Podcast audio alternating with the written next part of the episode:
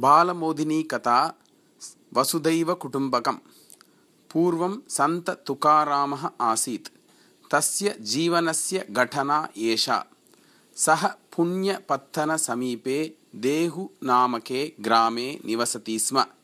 सः प्रातः उत्थाय स्नानादिकं समाप्य भोजनादिचिन्ताम् अकृत्वा वीणां करतालं च गृहीत्वा निर्जनं पर्वतं गच्छति स्म भजनं कर्तुं कदाचित् तत्र गतः सः कानिचित् दिनानि गृहं न प्रत्यागच्छति स्म अपि गृहे भोजनार्थं किमपि अस्ति वा न वा इति तु कदापि न पश्यति स्म कदाचित् भार्यायाः आवल्याः बन्धूनां ग्रामजनानां च अनुरोधं पुरस्कृत्य तुकारामवर्यः चटकादिभ्यः कस्यचित् क्षेत्रस्य परिरक्षणम् अङ्गीकृतवान्।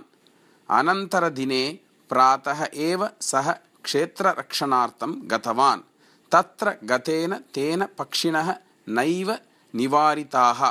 परम् आनन्देन भजनं कृतम्। सः अचिन्तयत् सर्वेषु अपि प्राणिषु स्थितः परमात्मा एव। यदि अहं पक्षिणः निवारयेयं तर्हि ते दुःखं प्राप्नुयुः। भगवता निर्मितम् अन्नं सुखेन खादन्तु नाम ते इति। अतः केषुचित् एव दिनेषु क्षेत्रस्थानि सस्यानि धान्यहीनानि जातानि।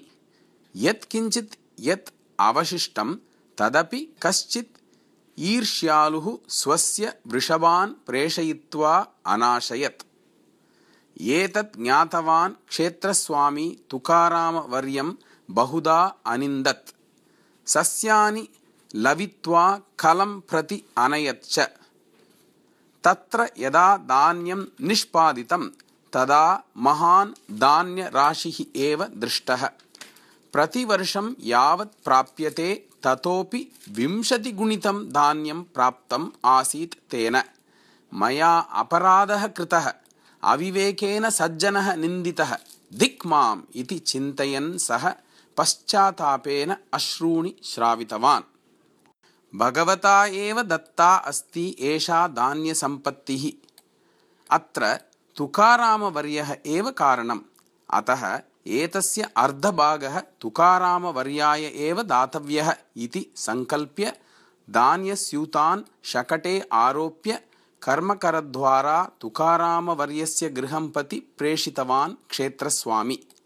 तुकारामः तस्मिन् समये देवपूजां कुर्वन् आसीत्।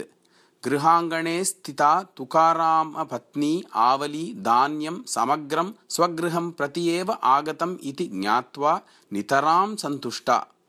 आवली धान्यराशितः किञ्चित् धान्यं स्वीकृत्य पेषणाय उद्युक्ता तुकारामस्य पुत्रः महादेवः धावन् गत्वा पितरम् अवदत्। अस्माकं गृहं धान्येन पूर्णम् इति।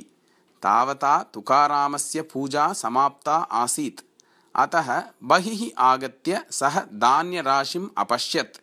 एतत् भगवता एव दत्तम् इति विचिन्त्य सः मध्यमार्गे स्थित्वा भोः भोः जनाः आगच्छन्तु यथेष्टं धान्यानि नयन्तु धनं सत्पात्राय एव दातव्यम्।